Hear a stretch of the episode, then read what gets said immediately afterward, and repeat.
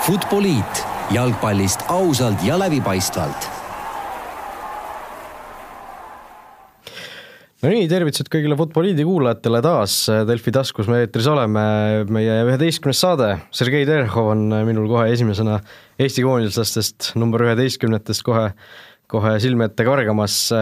kahekesi me stuudios oleme täna, mina Raul Õessar ja minu kõrval Rasmus Raidla. tervist! no Rasmus, number üksteist, minul tuli Terhov, kes sinul tuleb? Tead, ma ei olnud selleks küsimuseks valmis, nii et seda parem ma arvan, et Terehov tundub päris hea variant, mul nüüd kiirelt ei tule kedagi ette, et kuna mees värskelt Eesti meistritiitli ka võitles, siis anname temale selle saate nimetuse. jah, tervitused Sergei Terehovile igatahes siit lähevad äh,. jällegi äh, nagu ka eelmine saade, siis suuresti suuresti sellise Eesti jalgpalli või koondise jalgpalliga seotud see on, klubi jalgpallist, Eesti klubi jalgpallist me täna ei räägi, aga räägime Rahvuste Liigast kaks, kaks sellist mängu Eestil siis äh, värskelt selja taga on, Ungari ja Kreekaga mängiti ja Rahvuste Liiga alagrupi turniir sellega, sellega ka ära lõppes. Äh, ja, ja selle, sellest kõigest siis saate esimeses pooles ja saate teises pooles siis vaatame seda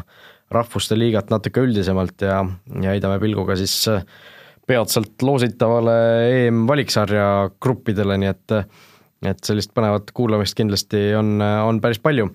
aga lähemegi äh, kohe selle esimese teema juurde. Põhjalikumalt, Ungarilt saime võõrsil null kaks, Kreekat võitsime üks-null, tegelikult olid ju kaks suhteliselt sarnast mängu, olime, olime mõlemas ju surve all, aga aga Ungari vastu äh, noh,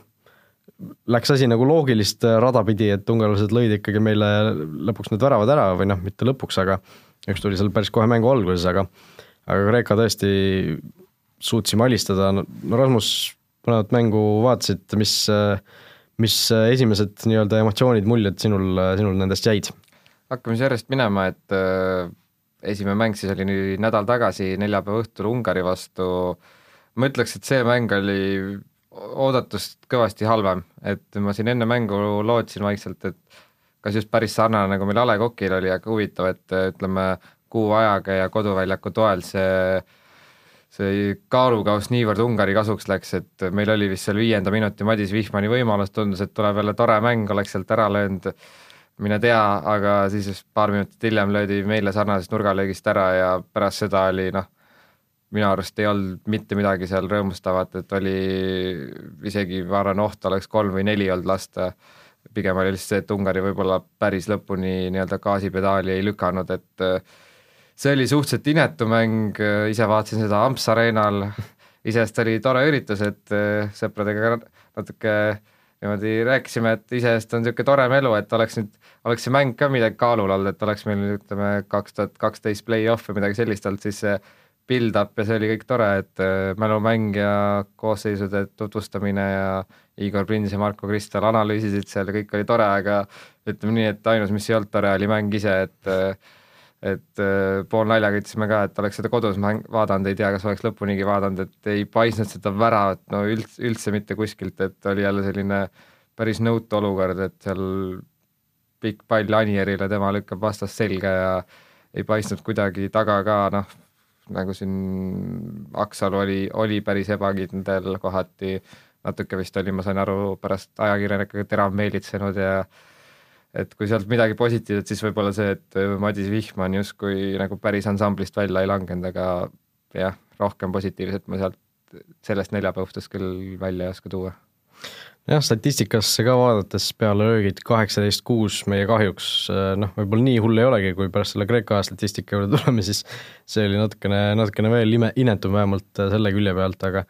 aga tõesti noh, see kaks-null oli noh, igati loogiline tulemus minu meelest, et äh, täiesti peegeldas väga õiglaselt seda mängupilti ja ja meeskondade sellist jõudude vahekorda, et äh, aga noh, jällegi ei tasu unustada, et meil oli ju noh, sada põhimeest oli puudu, eks, et äh, ei mänginud Klaavan, ei mänginud Käit, ei mänginud siin teised mehed, et äh, äh noh, Karol Mets eelkõige, et see Äh, see ikkagi näitab, näitab jällegi seda ära, et meil on see tippjalgpalli, see kiht on nagu väga õhuke mängijate poolest, et on meil paar meest puudu, siis see mäng on hoopis teistsuguse näoga, noh muidugi ei, ei tea ju täpselt, milline see mäng oleks olnud siis, kui oleks nüüd meil kõik paremad pojad rivis olnud, aga, aga noh, kui neid eelmisi, eelmisi äh, aastaid vaadata, siis, äh, siis ikkagi nii nagu kehvad me ei ole ju tegelikult olnud, et äh, just mänguliselt. Jah, et tõele au andes tõesti ju Willie Orban ja Adam Šalai lõid väravad mõlemad Bundesliga mehed, et noh, lõppude lõpuks tundub kõik loogiline, kurb oligi just see, et ju justkui räägiti, et noh, meil on vaja võitu või vähemalt kolm-kolm viiki või mis see oli seal, et justkui ei olnud seda, noh, alati on lihtne niimoodi ekraani tagant targutada, kindlasti oli tahet mingil määral, on ju, aga see ei, ei tulnud kuidagi välja, et ei olnud nagu mingeid lisamõtteid, et üldse, üldse ei paistnud seda, isegi siis, kui me jäime kaks-null taha, et justkui võiks öelda, et vastane vajub tahapoole ja meil võiks võimalus tekkida, et et see oli, see oli suhteliselt nukker õhtu, et äh, tundus jah, et mis sealt Kreekast veel oodata on, aga Kreeka vist ka ütleme noh, neil ei olnud enam alagrupi võidu peale mängida, lasid seal äh, varumeestel suuresti mängida, seal olid koduliiga mehi palju, nagu sa ütlesid, olime kõrvasurve all, aga minu arust see oli täpselt selline mäng, nagu ka Martin Reim ütles, et tegime Kreekas Kreekat ja Ungari vastu ka, ma imestasin just, et isegi kui me oleme surve all, siis Kreeka vastu meil tekkisid ju mingidki võimalused, noh et kas vastane eksib või üksikud sähvatused ääre pealt või kuskilt või ründajal on mingi pikem pall, midagigi võiks toimida, et okei okay,, meil oli see üks vihmane olukord seal Ungaris, aga noh, Kreeka vastu see lõpuks oli oma värav, aga ilusti Ženjov tegi ära, Sapinen ka kena surve ja pall väravas, selliseid asju noh, nagu pärast ka öeldi, et kogu see rahvuste liiga õnn tuli meile justkui selles mängus tagasi, aga tegelikult ju veel seal pärast vist Ojamaa sai nii-öelda väravaist mööda, lõi peale natuke õrnaks ja toodi see ära ja oli niisuguseid poololukordi veel, et no see oli juba selles olukorras, kus Kreeka noh, tuli ja. täiesti all in peale, et seda mm -hmm. ei saa nagu ei saa nagu selles mõttes arvesse võtta. aga no vähemalt nagu midagigi toimis ja vähemalt oli nagu tunda, et me se-, üritame kõvasti seista, et see on meie plaan, Ungari vastu ei olnud seda ka kuidagi, et neid võimalusi tekkis ka, et või ei olnud ei kaitses head ega ega rünnakul head, et äh, mulle üldse tundub, et Kreeka meile justkui sobib, et me ju tegime nendega ükskord ka nende kodus null-nulli ja kodus ka vist oli Reimi esimene mäng äh, null-kaks ja see oli väga meelelahutuslik -hmm. mäng. kuulus ilus kaotus. jah, jah, et Kreeka justkui meile sobib, et äh, tulla, noh, nii-öelda pärast tuleme veel alagruppide loosimise peale ka, et kahjuks Kreeka siis meiega samas tugevas grupis, et tema, nendega meil vastamisi ei saa minna, aga jällegi, et noh, kui me vaatame, okei okay,, koduliiga mehed, aga Kreeka liiga on ju tegelikult väga-väga hea. Ja noh, siin toodi see Fortunis sisse ja kohe oli nagu näha teist kvaliteeti sellest mängust, mis, mis sealt välja tuua, noh, Leppmets kindlasti väga, väga ilus esitus ma ütleks ka, et keskkaitses või ütleme, kogu kaitseliin ei oska nagu kellelegi midagi otseselt ette heita. Gerd Kams ise ka vist ERR-ile andis sellise poolirooniliselt kõige ohtlikum vastuolukorda tekitasin ise, et oli seal oma väravalgul lähedal, et tõesti see esimene kakskümmend, kakskümmend viis minutit oli, oli seal päris mitu ohtlikku olukorda, aga aga ei tulnud ja noh, ütleme, Sapinen ka ees pusis ja iseenesest täpselt selline esitus, nagu meiesugune riik võib-olla peakski äh, peakski nagu välismaal mängima, aga noh, teisest küljest jällegi oleks me võib-olla kaks tükki ära lasknud, siis oleks jälle öeldud, et kohutav mäng, et äh, ei oleks välistatud olnud, et ka nii läheb, aga jalgpall ongi nii, et ühel päeval sul rohkem on ja teisel päeval vähem. jah, no selle Kreeka mängu puhul äh, justkui enne ütlesin, et see tippjalgpalli kiht oli nagu õhuke, siis äh, see justkui mingis mõttes nagu näitas vastupidist, et Martin Reim tegi, eks ju, Ungari mänguga võrreldes seitse vahetust noh, näiteks oli minu jaoks suhteliselt üllatav, et Vassiljev ei mänginud, sellepärast noh, kui palju tal ikkagi on vaja ennast praegu näidata ja ja selle klubi, klubi olukorra mõttes, aga aga noh, tuleb, tuleb välja, et oli nagu õige valik, et seal Brent Lepistu tegi ju äh, korraliku mängu seal keskväljal ja ja, ja noh, Gerd Kams, äh, nagu mainisid, oli seal ääre peal, noh, ta ei ole küll selline noor mängija, kes võiks nagu tuleviku tegija olla, aga aga ikkagi näitas, et äh, kui Tõniste on väljas, siis meil on noh, kas just päris võrdväärne, aga noh, korraliku tasemega mees sinna asemele panna, et aga noh, see mäng ikkagi jättis nagu sellise väga naljaka tunde sisse, et no esiteks see mängupäeva hommikul ei olnud nagu mingisugust niisugust tunnet, et Eesti mängib, et ma nagu sõin hommikust ja siis mõtlesin, et ahaa, täna on see mängupäev, et nagu noh, tavaliselt on ikka Eesti koondise mängu, mängupäeval on nagu selline väike mõnus sumin on sees, et õhtul hakkab, õhtul hakkab pihta, siis siis noh, see mäng esiteks ei olnud enam midagi kaalul, teiseks ei olnud nagu see äh, seis ka nii lootustandev, et oleks võinud nagu mingisugust erilist tulemust sealt oodata, aga aga noh, üks-null võit tuli ja võtame vastu, aga, aga noh, eks see mängupilt tõesti peale löögid kakskümmend kaheksa, viis, nurgalöögid viisteist, null, noh, see on ju ja mitu selline pealelööki meil tuli tõesti siis, kui vastane oli seal, juba see Arsenali mees seal tagant tahtis ise palliga väravasse joosta, et seal hakkas noh, oli näha, et Kreeka natuke mentaliteet lõi natuke välja, et seda distsipliini seal väga ei olnud, aga mis ma ise ka olen paar korda maininud, et vähemalt seegi hea, et see aasta lõppes võiduga, et justkui annab äkki hea tooni, et et kui kaitses kõva, siis võib kõike juhtuda, mis ma veel sult võib-olla küsiks ja arutaks, et justkui räägiti, et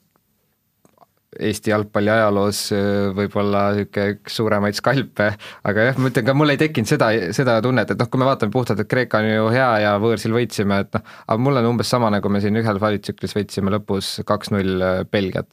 et äh, kui ikkagi midagi kaalul ei ole, siis ta natuke niisugune, nagu me võitsime siin Horvaatiat kolm-null ja nii edasi, et niisugune suhteliselt sõprusmängu võidutunne olnud, et ei olnud selline, et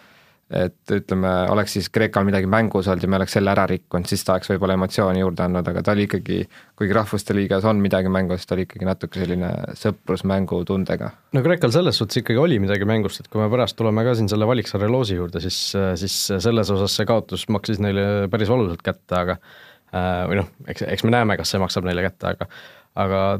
tegelikult jah, ka siin Ott Järveläki seal oma spordireporteris ütles, et äh, tema asetaks selle isegi teisele kohale selle Serbia võidu järel, et noh, ma mõtlesin, võtsin peast kinni, et mees, mida sa räägid, et et äh, me siin sealsamas, kus me Serbiat võitsime, samas valiktsüklis me võitsime Sloveeniat võõrsil, me võitsime Põhja-Iirimaad võõrsil, mis olid minu arust ikkagi palju-palju olulisemad, palju magusamad võidud, et et noh, see praegune Kreeka ei ole kindlasti selline, see Kreeka, mis ta oli kümme aastat tagasi või neliteist aastat tagasi, eks ju, et et eh, noh, okei okay,, Euroopa meister ja värki, aga noh, see ei ole ikkagi, esiteks ei ole see vastane nii kõva ja teiseks ei ole, ei olnud see mäng nii oluline, et me oleks, peaks nüüd hirmsasti enda rinda kummi ajama siin selle peale, et et noh, võit on võit äh,, alati tore, aga, aga tõesti, nagu selle Belgia mängu välja tõid, et äh, samasse kategooriasse läheb, et et lihtsalt, lihtsalt äh, ilus, ilus kunagi meenutada paberi pealt, mitte, mitte video pealt, et et, et selline võit on saavutatud, aga noh, mis see, mis see meile siis nii väga nüüd andis? jah, mis mõtted mul veel tekkisid, et siin äh, oli sotsiaalmeedias näha ka väikseid treeninguvideosid, seal justkui kannasöödud ja tõsteti, tšipati palle üle väravahi ja justkui selline kõik hästi ja kiiresti ja enesekindlalt toimib, aga just see Ungari mängu valguses, et kas see on ikkagi natuke mentaalne pool ka, et muidugi vastane on kvaliteetsem ja võib-olla äh, aga noh, trennis ju ka seal mängivad ikkagi, ma ei tea, mängid Joonas Tamme vastu, kes on ka Euroopa liigas, et seal on kuskil justkui okei okay,, sa tead neid kaitsjaid ja seal toimib nagu kõik hästi, aga platsil äh, ei ole sellist ühtegi hetke, mis paneks ahetama, et oh, väga hea kombinatsioon ja niimoodi, et no see, see Njohvi see trikk seal yeah, enne, enne väravasöötu oli, oli väga kena, eks ju, aga no eks see pingevabadus, eks me oleme ju tippjalgpallis ka näinud, trennis tehakse ikka palju ilusamaid asju kui mm, -hmm. kui mängus, et noh, teine asi on võib-olla see, et mida, mida julgetakse nagu trennis ette võtta, et seda mängus ei aga noh, võib-olla sellises mängus võikski veel rohkem proovida, et siin ka ju ma ei tea, ise olen pressitribüüni olnud, siis nii pressitribüünid kui fännid karjuvad, vahepeal on niisugune lihtne vale sööt, siis mõtled, kuidas see võimalik on, et tegelikult need ei ole halvad mängijad, kõik oskavad väga hästi mängida, ma arvan, ma ei tea, igaüks, kes on võib-olla madalamas liigas mänginud ja võib-olla karikas sattunud kõrgliiga tiimi vastu, siis justkui mõtled, oh, mis see kõrvaltvaatest tundub, on ju, et aga noh, tegelikult kõik on ju profijalgpallurid ja teevad ka päevast päeva samamoodi trenni ja see kvaliteet on olemas, pigem on just see, et et kui tihti sa seda taset saad, kui palju sa seal äh, nii-öelda noh, kohaned ja kas see lööb sul nii-öelda klapi kinni või mitte, et me oleme mitu korda maininud, et võib-olla Mattias Käitasemets hea näide, et tema justkui ei mõtle selle peale ja noh, ma ei, ma ei taha ka nüüd öelda, et kõik teadlikult võib-olla mõtlevad, oi, vastane ongi nii palju parem, aga see kuskil seal nii-öelda tagakuklas võib olla ja et äh, sellest küljest on hea, et me saime võib-olla nüüd C-liiga mänge, et äh, ja et vähemalt tuli võit, et noh, mine tea. nojah, no läheme siit võib-olla natuke edasi, natuke üldisemate teemade juurde koondisega seoses, äh, siin palju kõneainet tekitas äh, Argo Arbeiteri väljaütlemine hiljuti, et äh, Õhtulehes vist oli see, et tema oleks tahtnud, et oleks rohkem antud noortele mängijatele võimalusi siin ka Rahvuste Liiga viimases, viimastes mängudes, et siin äh, Martin Reim vastas sellele, noh, selle, kogu selle dialoogi teeb nagu omapärasemaks see, et Arbeiter ise on ju U19 koondise peatreener, et ta ei ole mingisugune praegu kõrvaline, kõrvaline isik või lihtsalt Soome, Soome klubi treener, vaid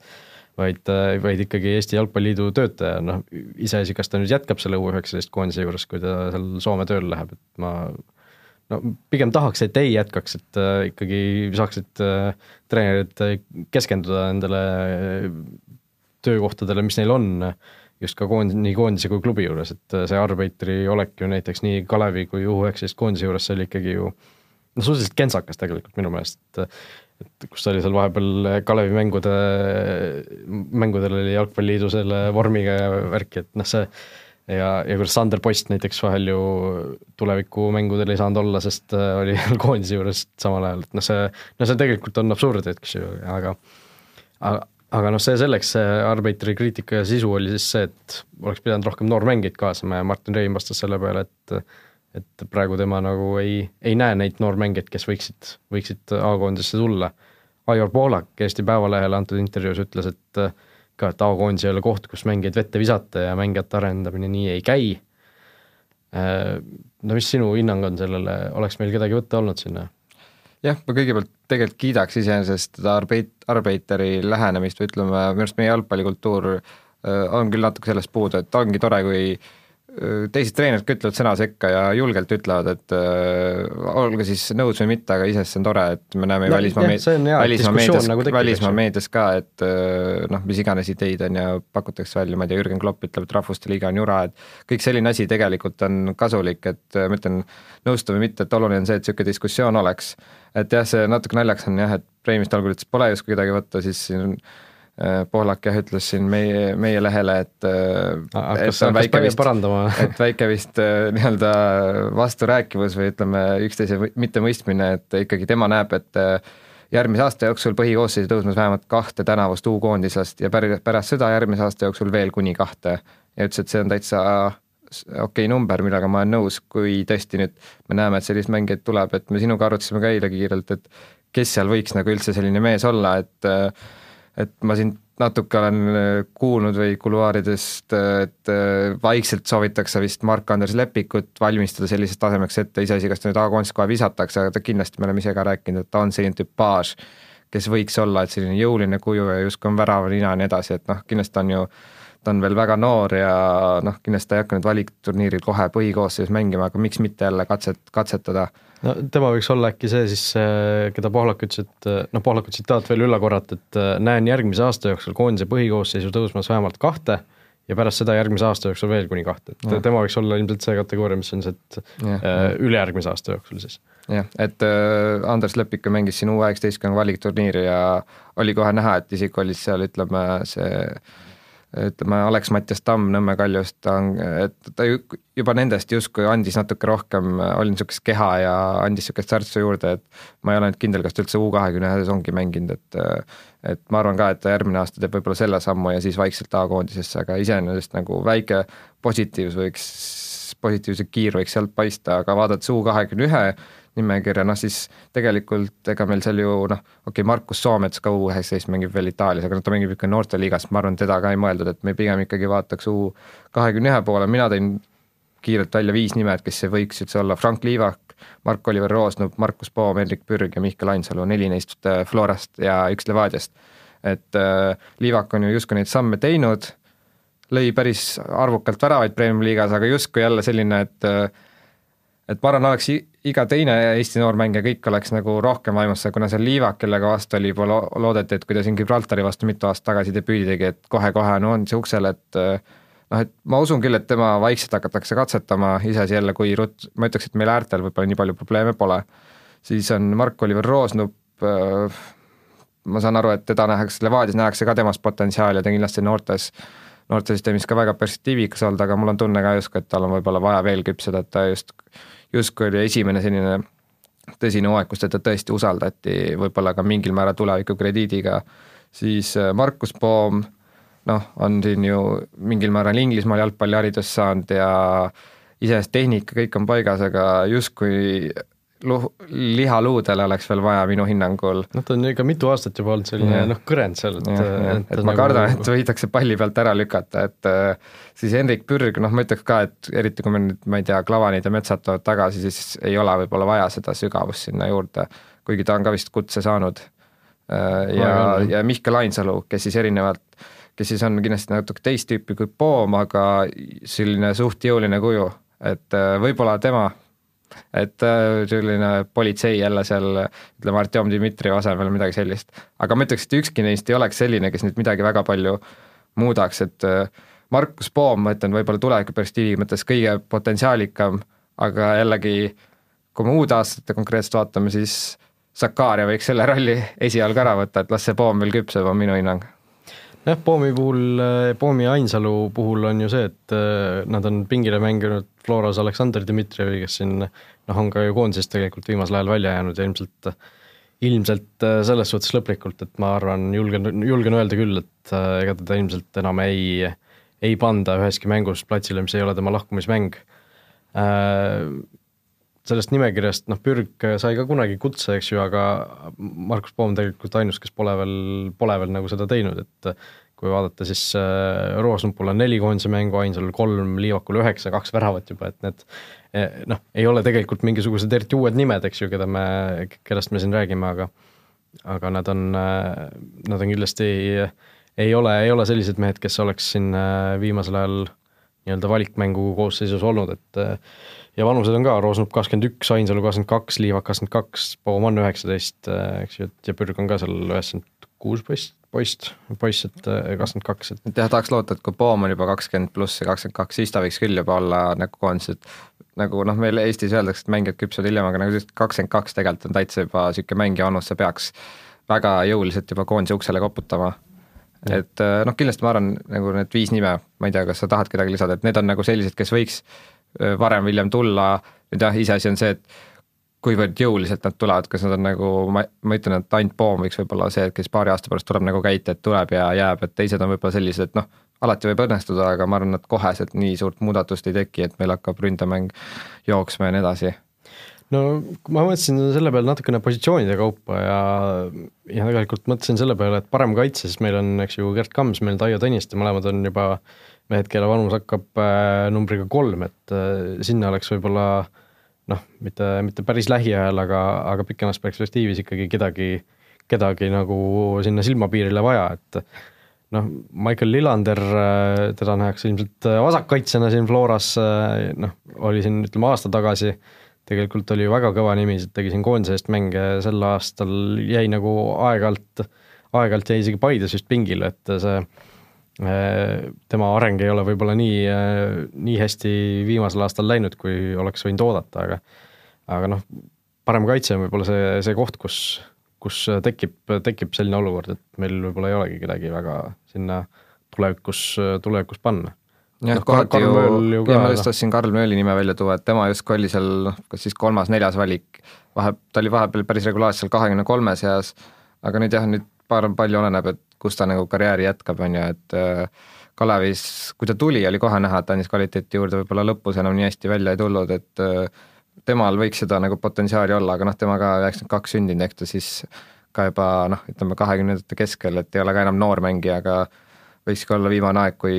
võib-olla hakata kas siis alustuseks Kams välja sealt suruda ja teiseks vähemalt äh, ennast mängida, on ju. jah äh,, aga noh, Mölli puhul kindlasti see eeldus koondisesse pääsemiseks oleks ikkagi see, et ta mängiks seda noh, teeks igapäevaselt trenni natukene kõrgemal tasemel mm -hmm. kui mhm. Tallinna Kalevis, eks ju, et aga aga noh äh,, ma arvan, et jah, on neid nimesid välja toodud, kes siin, kes siin võiks olla, et et tegelikult äh, noh, ega see valik väga suur ei ole olgem ausad, aga aga aga eks mingitel hetkedel äh, lihtsalt peab see põlvkonnavahetus nii, nii ehk naa toimima aga läheme edasi äh, Eesti koondise teemadega, mõtlesime siin Rasmusega, et võtaks siis äh, natuke liinde kaupa neid äh, rahvuste liiga mänge kokku ka, et kes olid head, kes olid halvad, alustame siis väravavahtidest. noh, üks võib-olla kõige teravam teema praegu Eesti koondise ridades, Mihkel Aksalu Sergei Leppmets.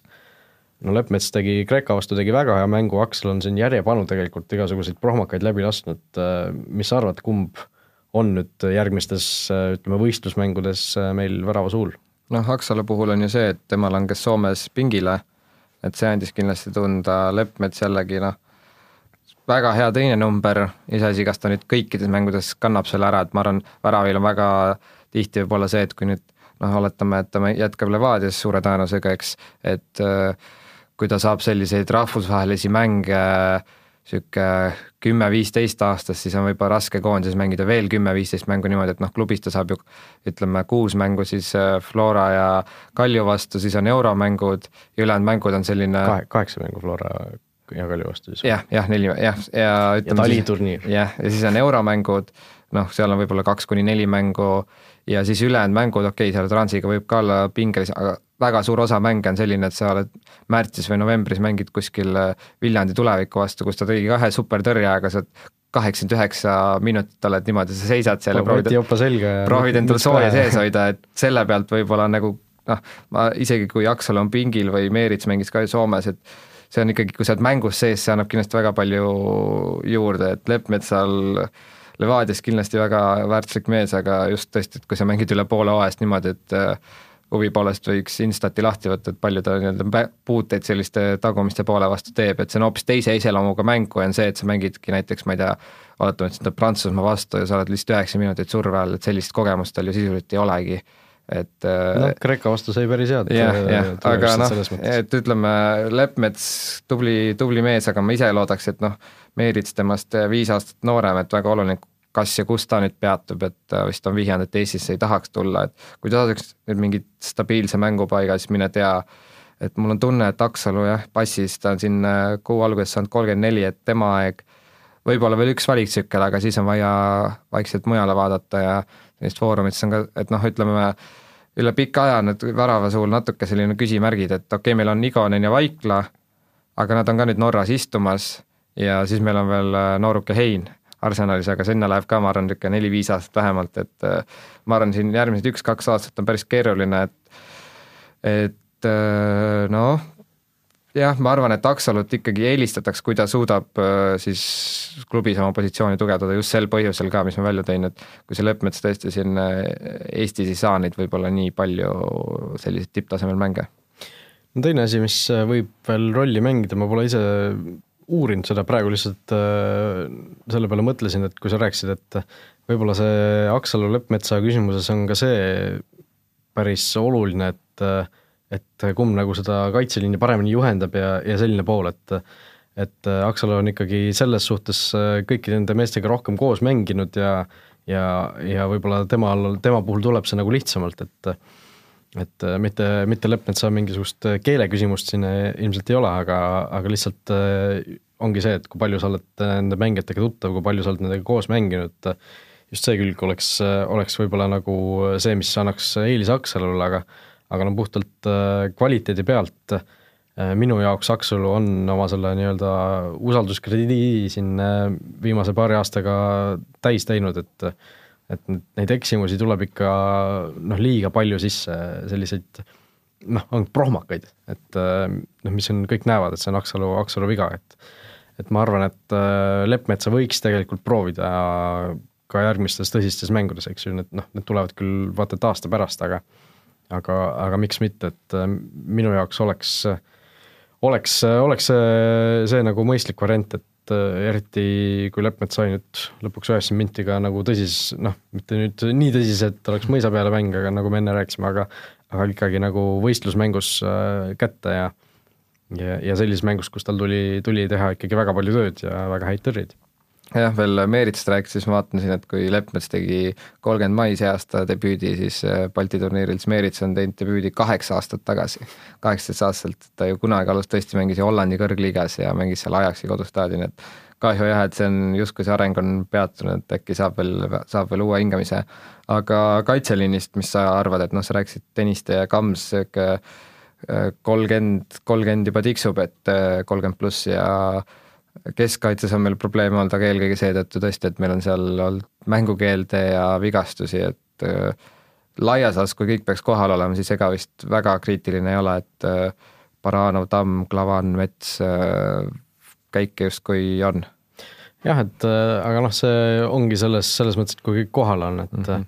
et äh, see viimane, viimasel ajal on nagu olnud probleemiks, aga, aga ma arvan, et see on, on lihtsalt pigem selline halbade asjade kokkusattumus, et kõik nagu samal ajal on olnud kas vigastatud mängukeelu all või, või midagi muud, et kaitseliini pärast äh, on nagu muret ilmselt kõige vähem, et Artur Pikk vasakul äärel võib seal rahulikult äh, noh, peaaegu kümme aastat veel mängida, ilmselt kakskümmend viis ju temal vanust veel. seal noh, Ken Kallaste tema taga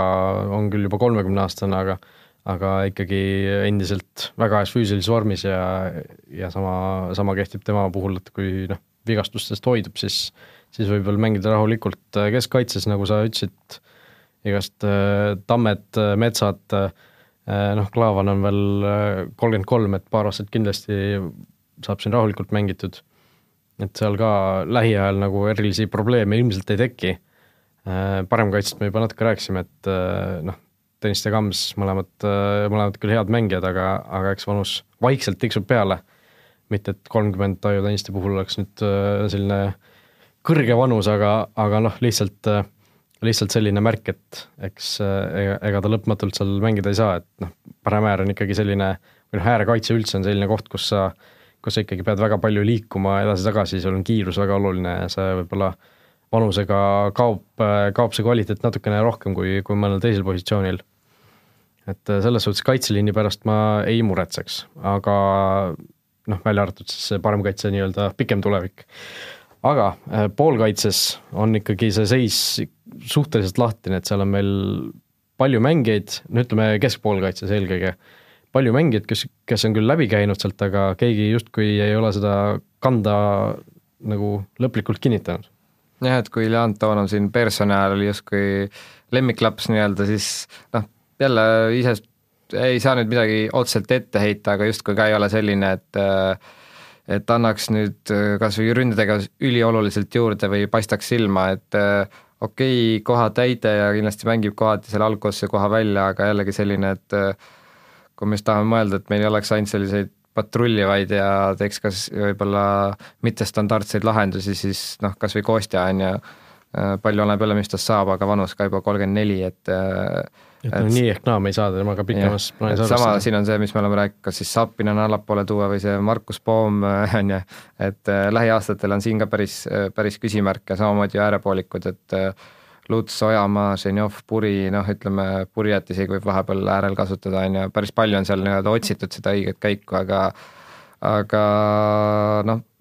ma ei ütleks jah, Eesti kohta ma nüüd väga siin ei kurdaks, et meil ääred laias laastus on justkui toimima saadud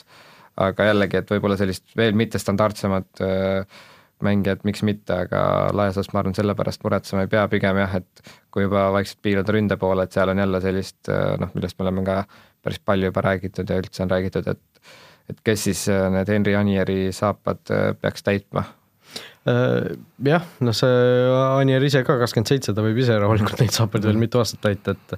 selles, selles nagu väga hullu pole, aga noh, kui meil on nüüd Sapinen ka sinna panna ja Sapinen äh, noh, endale ka natuke liha veel luudele kasvatab, et ta ikkagi jääb nagu natuke nendes kahevõistlustes äh, tipptaseme keskkaitsjate vastu selliseks nõrgaks lükatakse suhteliselt kergelt ära, et et see on nagu Anieri pluss kindlasti temaga võrreldes, et aga noh, nagu sa ütlesid, Mark-Andres Lepik siin tulemas, et võib-olla äh, võib-olla tema oleks, oleks tulevikus see, see põhikonkurent sellele kohale, et ja noh, Zenjov on, no on nagu ta on, et on ka nagu noh, Eesti koondise kvaliteediga mängija, aga ei, ei midagi nagu nii erilist, et et ta kindlasti peaks, peaks iga kord mängima või midagi sellist, et on... jah, mul on tunne, et meil oleks, kujuks ära selline mitte Tahjupära nüüd suurepärane täiendus, omal ajal me koondisel ei ole, aga selline tüüp ründaja oleks väga väga hea meel, niisugune Adam Shalai, et äh, arvestades, et me ei saa nüüd ülipalju palle kasti, siis, siis äh, noh, selline oleks vaja sellist jõulist kuju, kes suudab seda palli seal hoida ja edasi lükata ja nii edasi, et äh, et noh, Mark-Ants Lepik selline jõulisem kuju on, aga ka mitte nüüd ülipikk, on ju, et noh, tal on justkui nagu mõlemat, aga jah, ma nagu sa ütlesid, et Zappinen ega Anier võib-olla sellised ei ole, kellele tasub sinna niimoodi rinna peale anda, et võtab edasi ja äh, et see on üks küsimärk ja noh, eks ole näha. noh, võib-olla mõne sõnaga veel mängijatest, kes, kelle võib-olla aeg hakkab vaikselt läbi saama, siin äh, ei ole ka viimases koosseisus olnud Kruglov ja Aleksandr Dmitrijev noh, Kruglov äh, võib-olla on, on nagu, või noh, mitte võib-olla, vaid kohe kindlasti on praegu nagu paremal tasemel mängija, et näed sa, et, et äh, ta veel kunagi nii-öelda koondisse tuleks? Viimati kutsuti koondisse Krulov siis juunis Maroko vastu sõprusmängus. ma ise usun, et äh, teda otseselt vaja pole, et äh, sümpaatne mängija, aga nagu sa ütlesid, Kallaste ja Pikk, kui nemad on terved, siis nagu justkui vajadust pole, täpselt selline, et turvavõrk ta alati võib olla, et kui kumb on vigastatud, et äh, võib alati kutsuda kahekümne kolme sekka, ta kvaliteet iseenesest mahub, aga jah, et et võib-olla just ka tulevikku natuke vaadates ei ole võib-olla temale nii palju aega vaja. teine küsimärk minu arust ka valiktsükliga on see, et noh, kui nüüd Käit saab terveks, et et siin vahepeal räägiti, et kas Kostjal enam üldse on koondiskohta, justkui nüüd kuuendas liigas mängides on see ko-, koht juurde tekkinud, aga ikkagi järgmine kord, kui on suuremad mängud, on veel aasta vanem, kui meil tõesti Sakaria suudab läbimurde teha, et et ma arvan, ka Kostja võib olla selline, et kes varem või hiljem jälle selline võib-olla kahekümne kolme seas on, aga jällegi sellises rollis enam ei mängi, nagu ta see valiktsükkel oli. aga Enar Jääger? No Enar Jääger, mul on tunne, et tema vigastused on niivõrd palju talle pitseri vajutanud, et ja tema positsioonid justkui on ka piisavalt, piisavalt kaetud, et ma arvan, temaga äh, pigem ei. no ma millegipärast arvan, et Jääger veel mõne kutse jah, kutse saab, aga saab, et... ma nüüd täpselt ei mäleta, ei ole kursis, kuidas ta, minu arust on päris pikk vigas selle, et äh, no, tal on üldse neid olnud nii pikalt. klassikaline case, et saab kolmkümmend ja siis lähevad kõik asjad katki järjest. Et äh, kindlasti noh, head paranemist me talle soovime ja ja, ja ma arvan, ma arvan, et tal oleks koondises koht olemas, noh praegu kindlasti, äh, aga aga kui kõik mehed terved on, siis on äh, noh, läheb juba võib-olla keeruliseks, et, et kui seal Rein mõtleb ka näiteks selle nii-öelda noorenduskuuri peale, et et noh, kui meil praegu juba iseenesest mängis väga suure või kõrge keskmise vanusega koosseis, siis kui sa vaatad pingi peal, noh, oleks Jääger Klaavan ka veel mänginud, oleks, oleks see vanus ikka väga kõrgeks võinud minna. et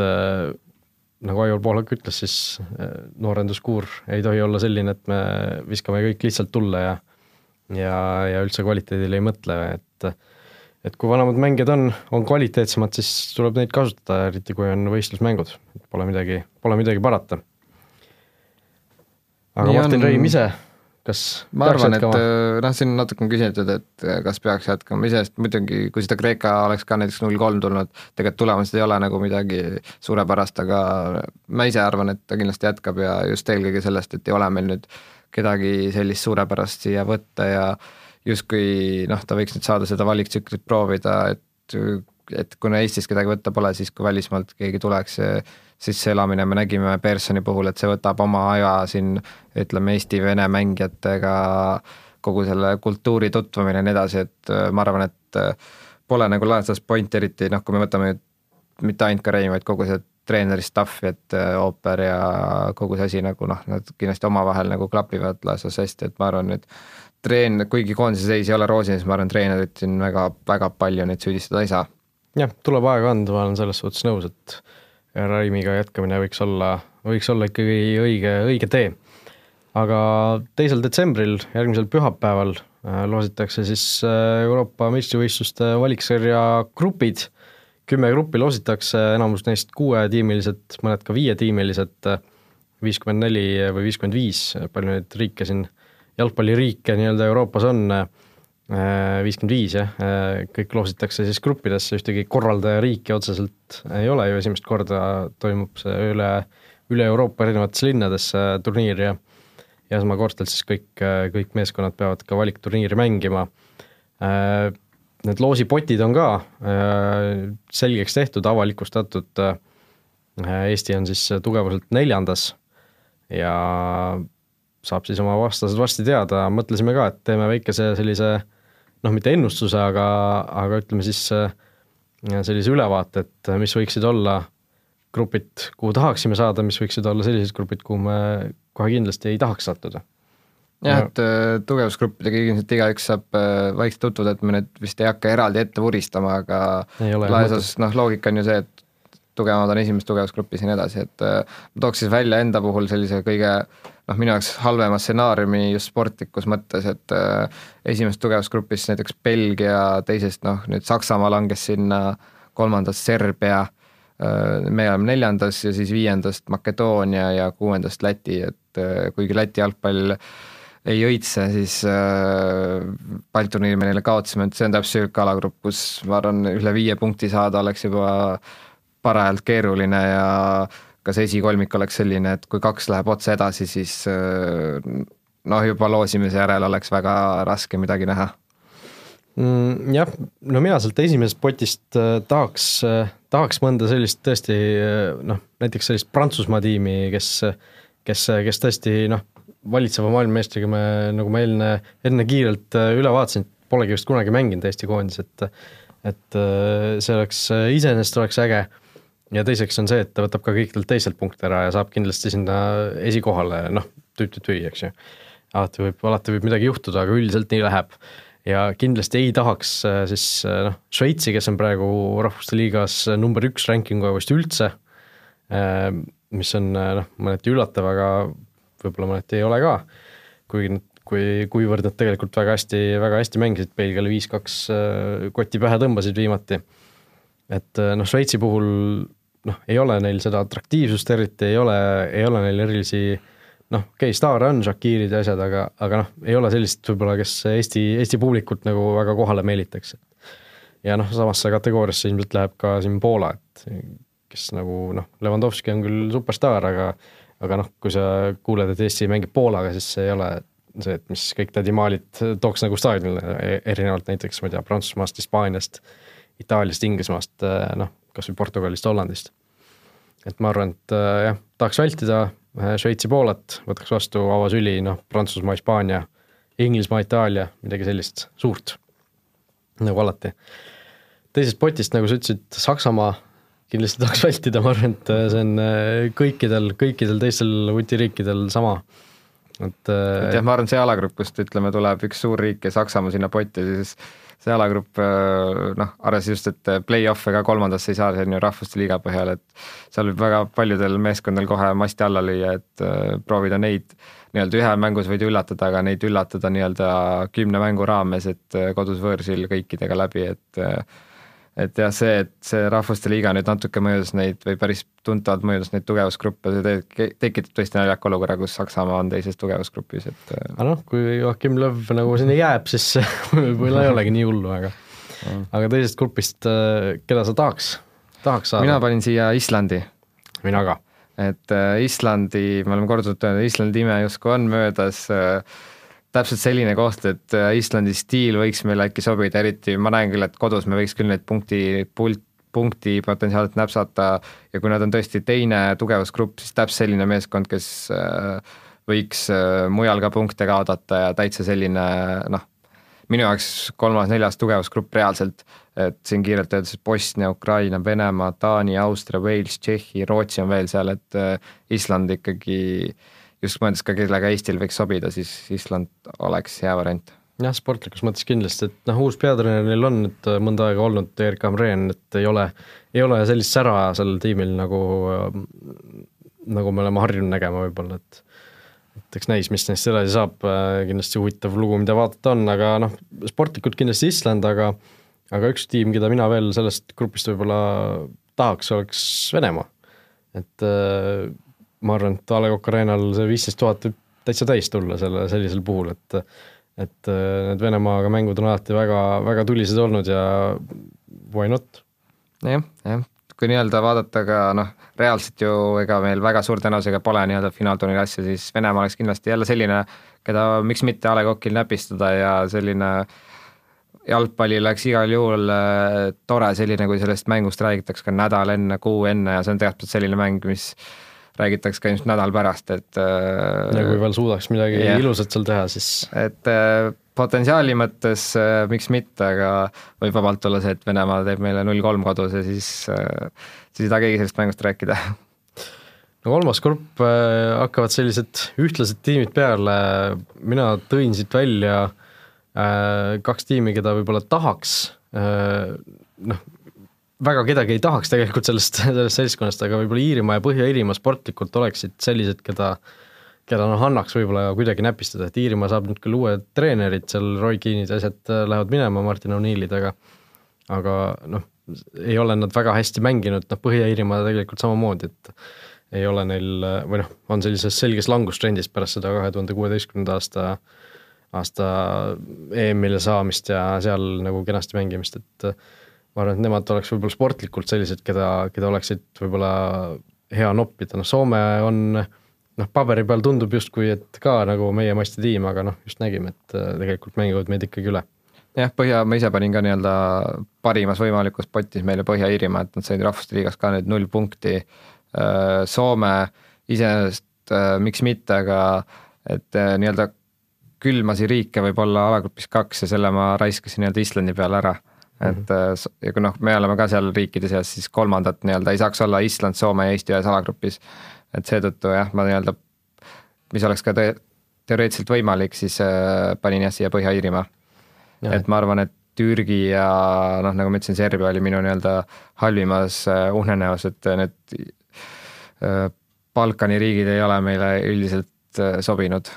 kuigi no, oleme ka seal nii-öelda üllatanud. no Soome puhul on see muidugi ja, ja mõndade teiste riikide puhul veel, et kuna nad on selle play-off koha juba endalt taganud, siis huvitav on näha, et kui nagu tõsiselt nad seda valikturniiri võtavad, et ütleme, kui need esimesed paar mängu näiteks peaksid kaotama, neil tekib see esikahe lootus, noh, kaks esimest, eks ju, alagrupist pääsevad otse, otse finaalturniirilt, kui neil see lootus nagu kaob, siis neil võib-olla noh, see mast läheb nagu täiesti alla, et et just selles mõttes, et noh, meil on see play-off'i koht on niikuinii garanteeritud, et võtame rahulikult, ma ei tea, katsetame mingisuguseid uusi asju, et et äh, seda dünaamikat on võib-olla päris huvitav jälgida, et kuidas, kuidas see nagu olema hakkab, et et äh, kui, kui nii paljud riigid on juba selle play-off koha endale, endale juba varem ära taganud. Just äh, viies tugevusgrupp, siis äh, ma ise panin, et äh, nagu ma ütlesin, kõige halvem oleks seal Makedoonia ja kui seal on veel Valgevene, Kosovo, Luksemburg, Armeenia, Aserbaidžaan, Kasahstan, Moldova, Gibraltar ja Fääri saared, siis minu eelistus oleks Gibraltar, kuna jälle Fääri saared läheb sinna külma tsooni ja noh, Gibraltar siin sai ka esimesi punkte, aga ikkagi Joonas Tamm Gibraltarile ja noh, võiks, võiks sealt kuute punkti noolida küll. Ja tore oleks ju see, et kui viiendast saaks Gibraltar ja alt tuleb veel, alt tuleb veel üks peksupoiss, siis oleks justkui noh, ideaalis kaksteist punkti sealt ja oleks valiktsüklis kaksteist punkti ja ülejäänud ka midagi võtta, oleks ju päris soliidne summa. Nojah, seal viiendas, viies pott on minu arust kõige ebaühtlasem pott, seal on noh, algab tõesti Makedoonia ja noh, Kosovo on selline ka tõusuteel selgelt tiim, Valgevene on alati selline äh, Äh, noh, olenevalt päevast äh, võib ka noh, ütleme selline meie tasemel tiim, eks ju, siis äh, lõpus on tõesti Gibraltar, kes on, kes on tegelikult ikkagi selgelt ju selline amatöörtiim ja, ja peksupoiss, et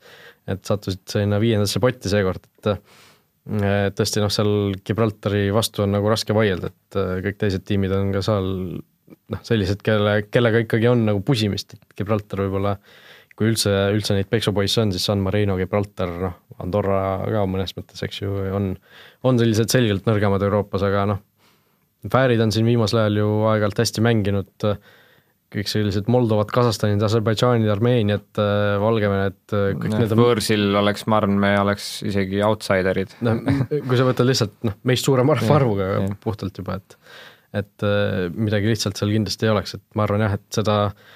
poti tippu tahaks kindlasti vältida, äh, aga seda sealt poti lõpust võtaks kindlasti mõne vastu. ja noh, kuues pott, Läti, Liechtenstein, Andorra, Malta, San Marino, kas kõigepealt äh,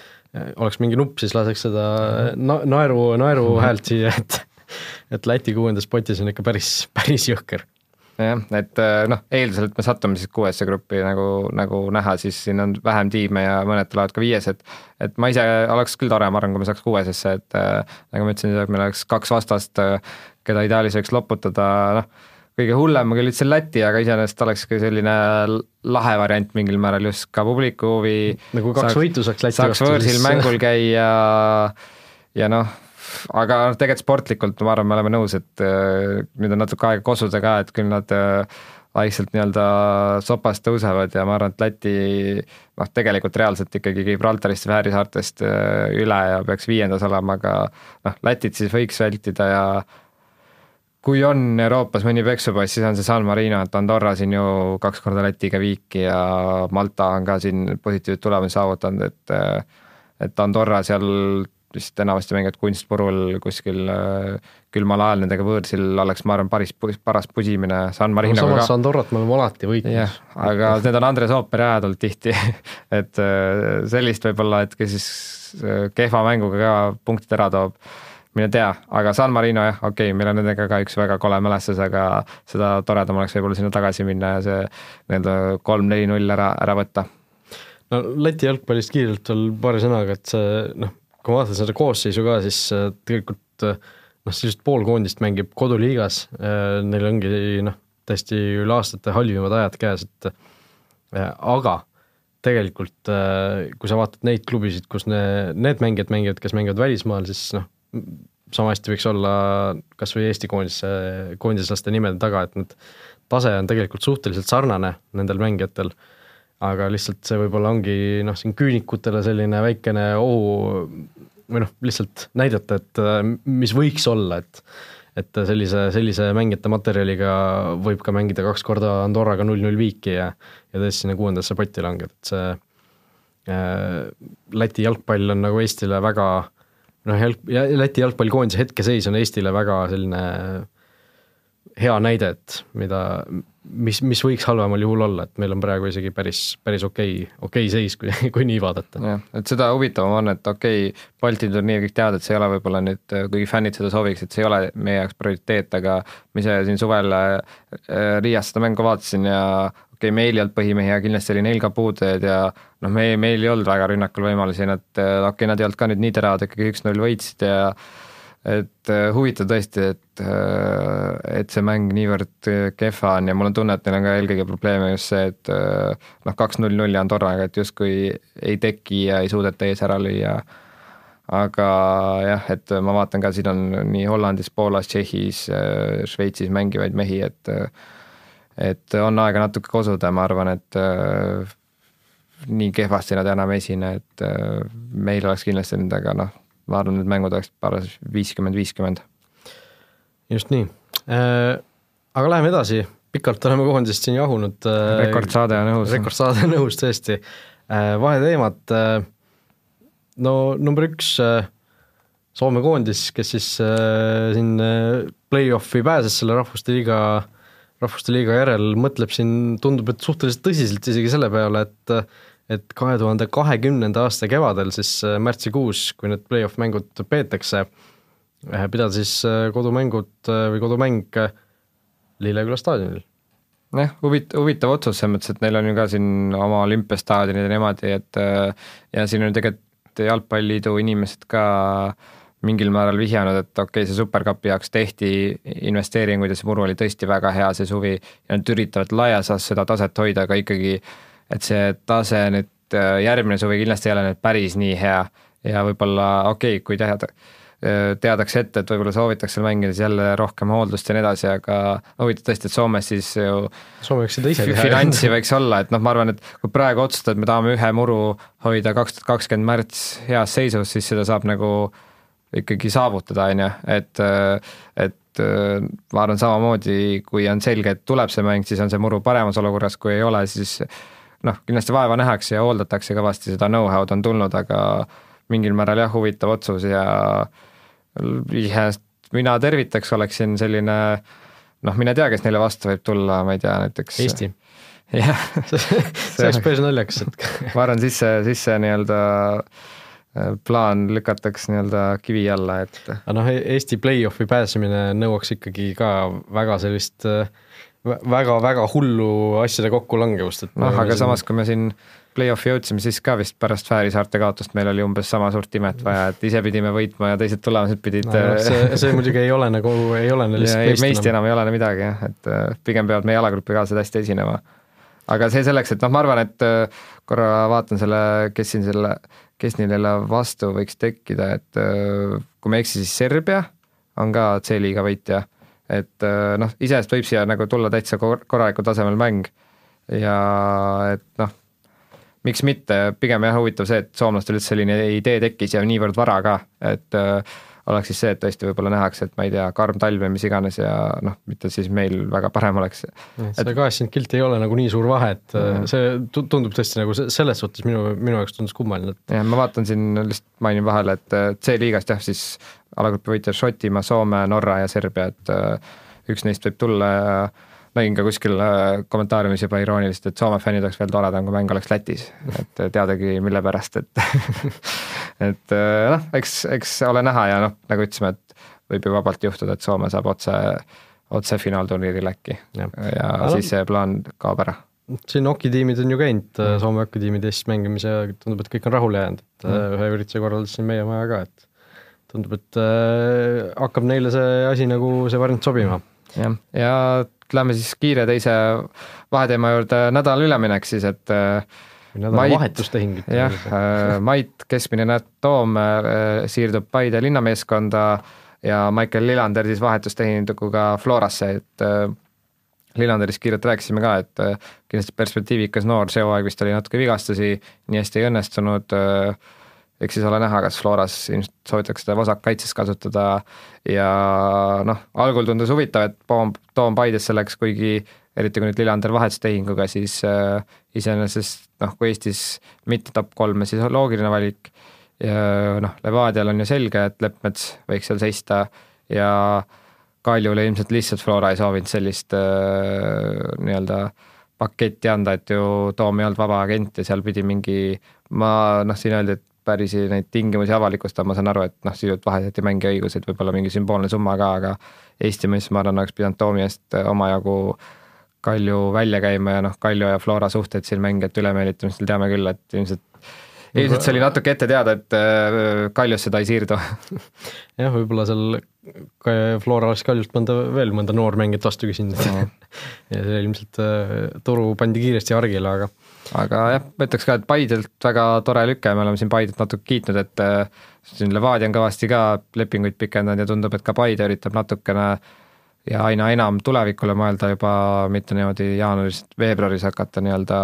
meeskonda äh, komplekteerima. Ja üks asi, mida kindlasti ootan, on äh, Paide ja Flora mäng A Le Coq Arena'l loodetavasti on siis äh, see... suvel, suvesse jääb see mäng, et äh, mäng oleks ikkagi A Le Coq Arena, mitte Sportlandil, et ja. saaks äh, Flora fännides Mait Toom seista. üks, üks poolaeg, kus Toom siis seal, sealpool peab sellist, lõunatribüüni ees seisma. sellist heas mõttes intriigi meie kodune jalgpall vajab, et jääme seda mängu ootama. just nii. aga võtame siis nii-öelda teise suure teemana suhteliselt kiirelt, sest tõesti, ega meil noh, aeg küll kuskilt ei, otsast ei pitsita, aga, aga noh, ega liiga pikaks ei ole ka mõtet siin Äh, seda saadet venitada, võtame selle Rahvuste Liiga üldisemalt ka ette, alagrupi turniir on läbi nüüd, äh, need alagruppidest edasipääsejad, tõusjad-langejad on selged, alustame ehk äh, A-liigast, kus siis neli gruppi, neli kolmest gruppi on, Holland, Šveits, Portugal ja Inglismaa siis on need neli meeskonda, kes hakkavad siis suvel mängima Rahvuste Liiga finaalturniiri. Ja Saksamaa, Island, Poola ja Horvaatia on need, kes mm, langevad B-liigasse, et millised on üllatused millised on nii-öelda loogilised variandid? jah, võib-olla alustaks üldsõnaliselt, et äh, kui Rahvuste Liiga tuli, mina olin pigem, nägin seda positiivselt, olen näinud Eesti kui rahvusmeedias ka sellist äh, nii-öelda skeptilisemaid hoiakuid, mingil määral ma sain sellest aru, aga nüüd olen ka pärast seda Rahvuste Liiga lõppu nii-öelda natuke meediat sirvinud ja laias mulle tundub, et äh, ollakse nagu rahul. kindlasti on küsimärke, aga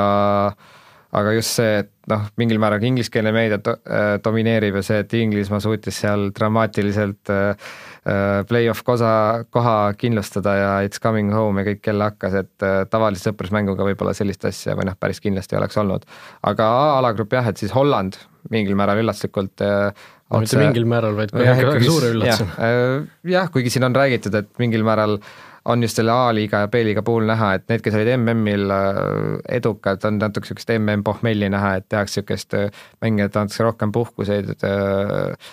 võib-olla natuke niisugune verevahetus ja okei okay,, Hollandil ka verevahetus on niisugune teises suunas, et neil on seda aega olnud atra seada, et jah, kindlasti päris tugev üllatus, aga tore, et siin ma ise olen vist kolm, kaks aastat tagasi kirjutasin mis kõik Hollandi jalgpallis vale on ja toona see kehtiski, aga tore, et on nagu päris ruttu saadud ikkagi jälle vanker veerema, et ju Hollandi jalgpalli kvaliteedi kõik teavad ja kaks tuhat kümme olid nad ju veel MM-finaalis, et loodetavasti on see uus tulek. ja noh, mis siin veel siis huvitav, et see Saksamaa siis tõesti ainult kaks punkti neljast mängust ja A-alagrupi, ma arvan, hästi iseloomustas seda rahvuste liiga et Holland just kaheksakümmend viis ja üheksakümnendal siis Virgil van Dijk lõi selle kaks-kaks, mis nad esikohale tõstis ja et äh, täpselt selline, et ma arvan, tavasõprusmängus kaks-nulliga oleks seal varumehed tulnud ja oleks noh, täitsa teise iseloomuga mäng, siin oli, mille nimel mängida ja väga tore, et selliseid mänge ka on. teine alagrupp A-liigas samamoodi viis-kaks Šveits, Belgia, äh, noh, Island väravate vahe üks kolmteist ja null punkti ei kuulu A-liigasse, selge, aga Šveits ja Belgia see viis-kaks mäng oli tõesti suurepärane, et Belgia läks kaks-null juhtima siis oli Šveitsil vaja vist nelja väravat, et kolm kahest neil ei oleks olnud piisanud ja noh, ma ei kujuta ette, mis see live koefitsient võis olla sellele, et nad löövad neli väravat, on ju, ja samal ajal Belgia ei löö ühtegi, et äh, aga jällegi niisugust mängu, ma arvan, ilma rahvuste liigata me näinud poleks. Äh,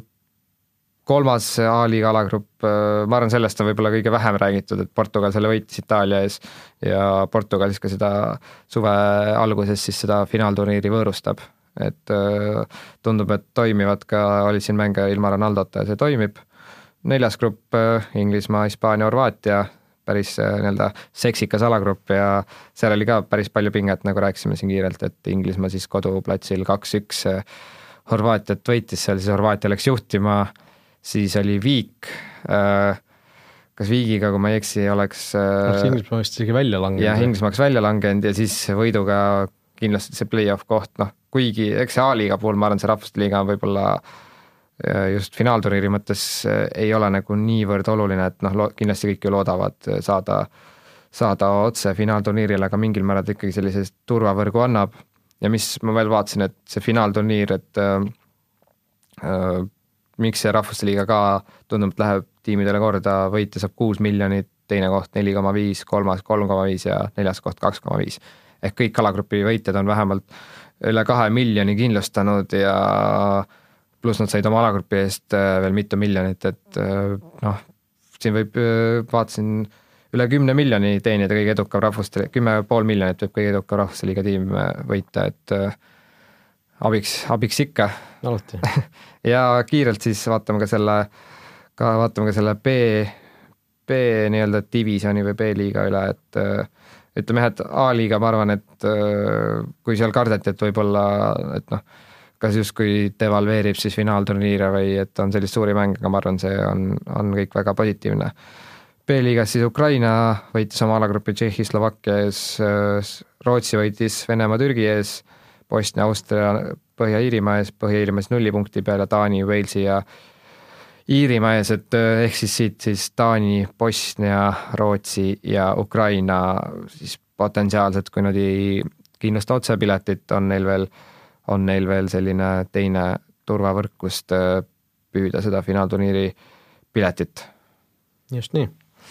Äh, noh, C-liigas äh, asjad olid sellised, et meie grupist ilmselt kõik juba teavad, Soome, Soome selle võitis, võitis neli mängu ja, ja tõesti kaksteist punkti kogus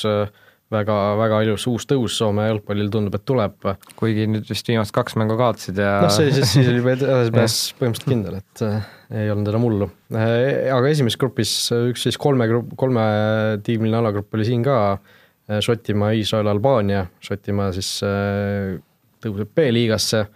Albaania samas ei kuku, sellepärast et äh, seal läks äh,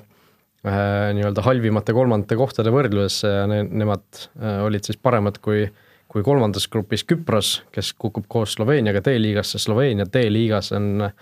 on ka ikkagi päris, päris huvitav asi, et Sloveenia jalgpalli on ka siin ju aastate jooksul kõvasti kiidetud, kahe miljoni elanikuga riik. aga tundub, et on ka halvemaid aegu siin läbi elamas, et praegu ühtegi sellist väga, väga suurt nime peale Handanovitši ei ole jah, et kui siin äh, seesama Päevalehe intervjuu Pohlakuga, siis noh, ei ole ametlikult välja öeldud, mis järgmist Rahvuste Liigast saab, aga ikkagi suure tõenäosusega see on äh, ka nii-öelda minikvalifikatsioon järgmisele finaalturniirile, et juba ette öeldes, et kui Gruusia, Valgevene, Kosovo ja Makedoonia siis sealt tõusevad, siis noh, mõeldes, et äkki me saaks sealt äh, neljandast või ütleme, D-liigast siis pääseda finaalturniiri, siis noh, Küpros ja Sloveenia, ma arvan, täpselt need, kes võivad meie teele päris valusalt ette astuda, et ja ma teeks ühe paranduse veel, et äh, ma ütlesin Sloveenia väravat, ütlesin Handanovic, aga tegelikult ma mõtlesin Oblakit et äh, jah äh,, Handanovic ikkagi Eesti rahvuskangelasena on, on nagu esimene nimi, mis pähe hüppas. aga Norra selle alagrupi võitis tõesti, siis B-liigasse tõusis, noh, igati, igati aus, ma arvan, et B-liigas nad saavad kenasti hakkama ja viimases grupis siis Serbia võitis Rumeenia, Montenegro ja Leedu ees.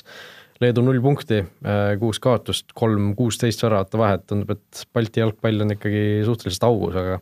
selle järgi, selle järgi tundub meie see seis pole vigagi. kuigi äh, muidugi see Leedu alagrupp on ka täpselt selline Serbia, Rumeenia, Montenegro, okei okay,, oleks võinud mõne punkti saada, aga üli ebamugav.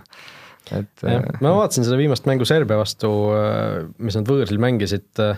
olid seal tegelikult mängus sees, esimene poolaeg oli null-null, siis Serbia läks luhtima, aga siis Leedu viigistas, aga noh, viigis siis kaua ei kestnud uuesti, et Eesti kohtunikud muideks äh, seda mängu teenisid seal Kristo Tohveri juhendamisel, et äh, väga aga noh, korralik mäng oli, Leedul tegelikult võimalusi oli, nad kui null-null seis oli, siis nad tabasid karistuslöögist latti seal Serbia väravaht tegi imetõrje, suunas selle palli kuidagi mingisuguse käevarrega kuidagi latti, et et Leedu noh, tegelikult võib-olla nii halb ei ole, kui noh, selle nii-öelda ühe mängu põhjal, mis ma natuke vaatasin, kui see, kui see tabeliseis võib-olla siin näitab, aga aga eks ta nii läks. Ja D-liigas äh, läheme, äh, mõtle siis selle peale, Rasmus, nüüd, et Gruusia, Valgevene, Kosovo, Makedoonia, vähemalt üks neist on kindlasti EM-finaalturniiril. jah, sellest me oleme ka kiirelt rääkinud, ma arvan, et äh, noh, Kosovo oleks võib-olla kõige lahedam, et nad vist kaks aastat tagasi said selle liikme, liikmelisuse siis alles aga ma arvan jällegi, et see üks meeskond ei muuda seal finaalturniiril nüüd midagi, ma arvan, et näiteks Gruusia võiks väga, väga normaalselt hakkama saada seal finaalturniiril, et jah, see võib-olla on see rahvaste liiga kõige suurem küsimärk, et üks sealt saab, või ütleme, üks D-liigast saab, aga mingil määral mul on kahju, et ütleme, Gibraltar või Luksemburg ei murdnud sinna play-off'i vähemalt, et see oleks, see oleks ka lahe. et ma arvan, need neli klubi vali- või noh, neli koondise valikut ei ole iseenesest, D-liiga kohta üldse paha, et äh, laias laastus vaatad alagruppidele peale, siis need, keda võiks eeldada, et alagrupi võidavad, seda ka tegid. just nii, ja noh, tasub kiita ka ajalugu, ajalugu tegi siis Valgevene koondis, kes on siiamaani siis ainus meeskond Euroopas, kes pole endale rahvuste liigas lasknud ühtegi väravat lüüa, et kuue mänguga väravate vahe kümme-null Luksemburgi, Moldova ja San Marino vastu, et noh, pole paha. aga aga noh, kui vaadata, siis Luksemburg, Moldova, San Marino ei ole ka ükski selline meeskond, kes siin väga, väga kellegi jalga värisema paneks ilmselt, aga mm -hmm. aga noh, mida siin veel, noh, see Läti, Läti äh, hädadest juba natuke rääkisime, et kui sa ei saa Gruusia, Kasahstani ja Andorra vastu kuue mänguga mitte ühtegi võitu, siis, äh, siis noh, noh, neli viiki küll on neli viiki, aga aga noh, kui kaks viiki on Andorra vastu null-null, siis see ikkagi on päris, päris kurb, aga noh, kui siit mõelda jah, kes, kes siin võiks äh, EM-ile pääseda, siis tõesti Kosovo oleks ilmselt nendest neljast kõige sellisem ägedam variant, ma arvan küll. Aga noh, D-liiga kohta veel siis äh, minule väga meeldis see, et äh, noh, tõesti nägi, et kuidas nende väiksemate vahel need jõudude vahekorrad on, et kes muidu ju tegelikult omavahel sisuliselt üldse ei, ei kohtu valiksarjades, siis äh, siin oli ka tore näha, kuidas Gibraltar sai kaks võitu ja ja, ja Fäärid siin noh, jälle võitsid ja ja isegi Andorra siis suutis tõesti neli viiki teha, et päris, päris äh, muljetavaldav. Kodus kodus äh, kaotuseta. jah, et ainus peksupoiss San Marino null kuusteist, et isegi selles alagrupis ei saadud hakkama, aga tõesti jah, ma ütlen, see Gibraltar ja Fääri saared ja need olid kõik äh, väga head näited sellest, et äh, miks see rahvusliiga on tore, et et võidad siin järjestikuseid mänge ja noh, ma arvan, et nii selle kohalikul jalgpallil seal väiksemas kohas, see teeb head, et kui nähakse, et koondis võidab ja on tõesti nagu pingelised mängud ja et mina küll ütleks jah, et mis sa ise ütled Rahvusliiga kokkuvõtteks, et ma ütleks küll, et tervitame ja on siin ka öeldud, et ega sellest ilmselt enam lahti ei saa, kui keegi peaks tahtma, et see on tulnud, et jääda jah, ma arvan, et noh, ei tasu unustada nagu, et selle asemel lihtsalt oleksid olnud mingisugused sõprusmängud, ma oleksin mänginud heal juhul mingisuguse Aserbaidžaani ja Turkmenistaniga. et see ei asendu ju mingil määral valikturniiri, noh ta on mingil määral väike lisa sinna, aga justkui mul on tunne, et mõned ei, võib-olla ei saa sellest nii-öelda paugust aru, et et mis asi see nüüd on, aga noh, et tõesti, et meil oleks siin võib-olla olnud tõesti sügiseses ja lihtsalt suvalised sõprusmängud, seekord ikkagi oli natuke sellist, et noh, kas langeme D-liigasse ja oli ka meil endal väikest pinget, et iseenesest oleks võinud veel rohkem olla, aga jah, et jääme siis ootama äh, et justkui on tore, et kogu aeg, kui koondis mängib, me sisuliselt kogu aeg mängime millegi nimel. Ja et kui valikturniir läheb kehvasti jälle seal, et et iseenesest tore muidugi. Aga ma arvan, lähme vaikselt siis äh, nii-öelda viimase teema juurde, OpTibeti panustamissoovitused, siis äh, minu soovitused äh, on Hispaaniast, La Ligast,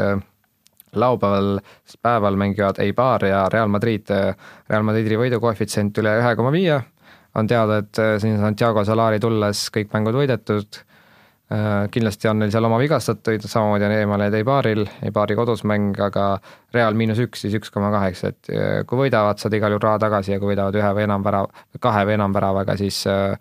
üks koma kaheksa, et iseenesest võiks proovida küll, et et äh, justkui on mulje, et Reali need äh, kehvemad ajad on möödas. jah, täitsa nõus, ma arvan, et see on täitsa okei okay koef, mina võtan oma kaks mängu nagu ikka Premier League'ist, laupäeval Watford ja Liverpool mängivad, Liverpool siis võõrsil ja Liverpool tegelikult ei ole sel hooajal ju kordagi nende alumiste meeskondade vastu ühtegi punkti ära andnud ja aga ma arvan, et noh, ühel hetkel see peab ju juhtuma ja, ja Watfordi näiteks topeltvõimaluseks siis Watfordi võit või viik on koefiga kaks koma neliteist, äh, samal ajal kui Liverpooli võit on siis üks koma viiskümmend neli, mis sa arvad, kumb, kumb parem panus tundub? noh, jah, ütleme nagu siin kunagi vist Maarja Tromp käis, ütles, et või ka Ivan Špol siin panustamissõbrad on öelnud, et pigem pange tipptiimide vastu, aga muidugi paberil äh, võiks ju Liverpool oma ära võtta. Äh, mina ise, teine soovitus oleks ka siis La Ligast, nagu ütlesin, et laupäeva õhtul kakskümmend üks, nelikümmend viis, päris äh, magus mäng Atletico Madrid, Barcelona, et äh, soovitan vaadata. Äh, Barcelonas viimase mängu kolm-neli Betisile kodus kaotas, tabeliseisu mõttes ka oluline seis, et Barcelona hetkel kakskümmend neli punkti tabeli tipus, Sevilla ja Atletico ja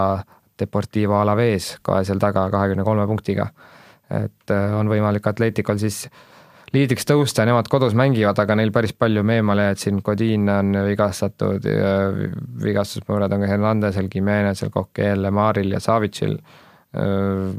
Barcelona poolt kaardi käima Rakitic ja vigastusega Coutinho on väiksemaid muresid veel, aga